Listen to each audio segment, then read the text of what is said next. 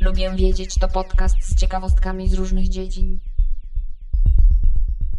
Cześć, ja jestem Monika, a ty słuchasz podcastu Lubię wiedzieć.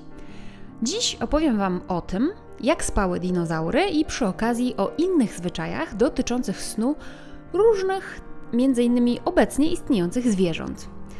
Zacznę od tego, że ostatnio leżąc w łóżku z podkurczonymi rękoma pomyślałam, że tak mógłby spać T-Rex. A potem pomyślałam, hmm, jak naprawdę spały dinozaury? Czy taki T-Rex kładł się na ziemię, żeby się przespać? Czy spał na stojąco? A jeżeli się kładł, to jak wstawał, miał w końcu tak krótkie przednie łapki, że pewnie trudno byłoby mu się nimi podeprzeć. No to może się ogonem podpierał, żeby wstać. No i tak się stało, że poszukałam informacji, jak spały dinozaury. No i okazuje się, że tak naprawdę wielu rzeczy nie wiemy na ten temat, ale naukowcy różne sensowne hipotezy wysuwali i oto do czego doszli. Otóż, jeżeli uważaliście na lekcjach biologii lub na filmach o dinozaurach, to obecnie potomkami dinozaurów są ptaki. A ptaki śpią w pozycji stojącej, kuląc się w sobie, tak jakby w ramionach kuląc głowę i chowając głowę właśnie w ramionach, czyli między skrzydłami. I wiele gatunków dinozaurów, szczególnie tych latających, spało właśnie tak, z głową między barkami, nazwijmy to, i ogonem zawiniętym wokół ciała. Jednak naukowcy też robią następujące rozgraniczenie. Otóż wiele czteronożnych dinozaurów spało w pozycji stojącej, a z kolei dwunożne dinozaury spały leżąc, bo utrzymanie równowagi we śnie na dwóch nogach no nie było łatwe i nadal nie jest łatwe. Co ciekawe, są też badania, które stanowią podstawę do hipotezy, że dinozaury także miały różne fazy snu. Zbadano bowiem aktywność fal mózgowych u śpiących gadów. Oczywiście współczesnych nam gadów, ale te badania pozwalają domniemywać, że różne fazy snu wykształciły się bardzo dawno temu. W notatkach do tego odcinka znajdziecie link do artykułu z większą ilością szczegółów dotyczących faz snu dinozaurów.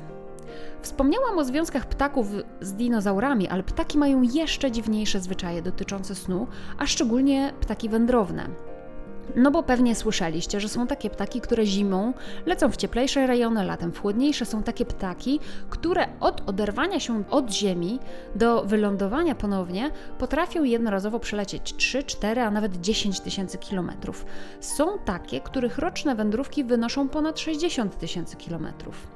No i naukowcy już dawno podejrzewali, że ptaki w trakcie lotu potrafią przysnąć, ale dopiero kilka lat temu udało im się to naocznie zaobserwować.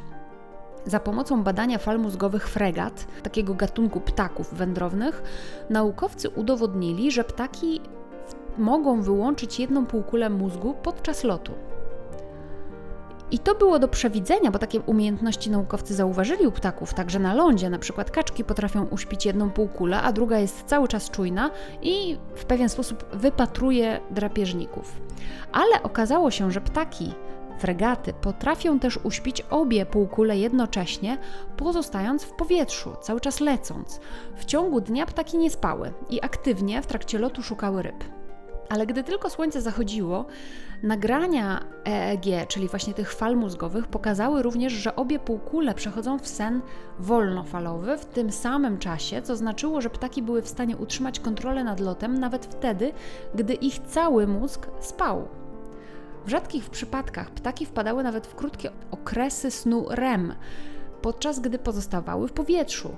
Coś, co brzmi dziwnie, biorąc pod uwagę, że stan REM związany jest z całkowitym rozluźnieniem mięśni u większości ssaków.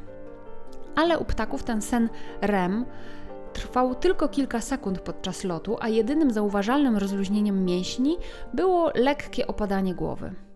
Mimo tych zdolności okazuje się, że fregaty śpią w trakcie wędrówki niecałą godzinę na dobę, czyli bardzo króciutko.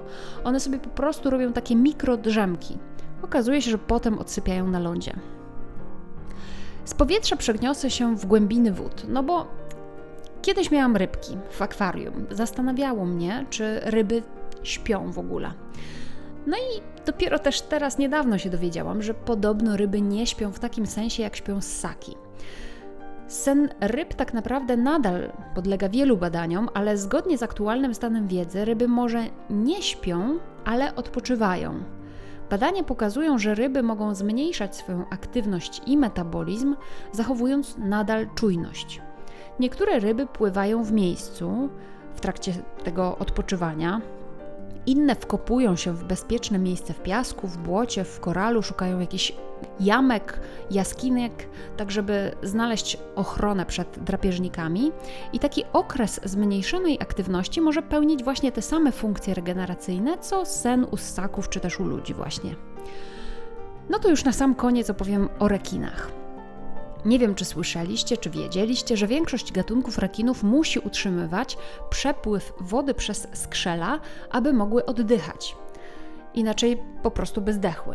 Jednak nie wszystkie gatunki muszą się przemieszczać, aby to robić. Gatunki, które muszą z kolei stale pływać, aby oddychać, przechodzą proces znany jako pływanie we śnie, w którym rekin jest zasadniczo nieprzytomny. Wiadomo z eksperymentów, że to rdzeń kręgowy, a nie mózg koordynuje pływanie, a więc ryby mogą nadal pływać podczas snu i może tak być również w przypadku większych gatunków rekinów.